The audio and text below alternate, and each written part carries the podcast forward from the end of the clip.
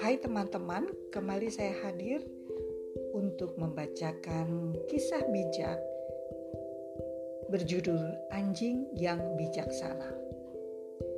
Tommy adalah seorang pengusaha muda yang berhasil, namun dia juga mempunyai hobi main judi setiap akhir pekan.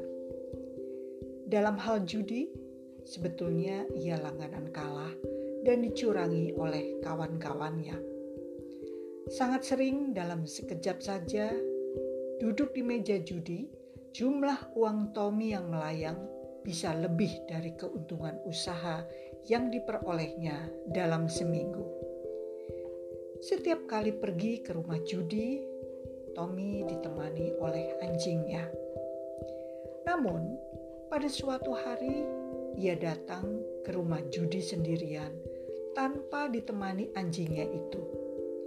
Salah seorang kawan yang melihat hal itu merasa heran dan bertanya kepada Tommy, "Di mana anjingnya?" Tommy menjawab, "Terakhir kali aku membawa dia ke tempat ini.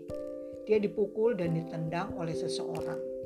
Rupanya anjingku ini belum lupa akan pengalaman itu. Maka tadi ketika aku mau mengajaknya ke sini, dia tidak mau dia memilih untuk tetap tinggal di rumah saja. Teman-teman, mendengar jawaban itu, sang kawan tertawa, lalu berkata, "Eh, Tommy, kalau begitu, anjingmu itu lebih bijaksana daripada tuannya, ya." Tommy hanya tersenyum, tapi wajahnya merah padam.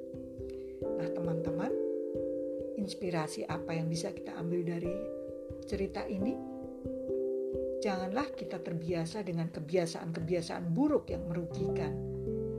Seperti halnya juga anjing itu, dia ternyata lebih bijak dari tuannya.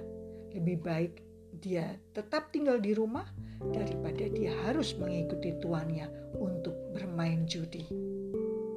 Terima kasih telah mendengarkan catatan harian Ati Margono. thank you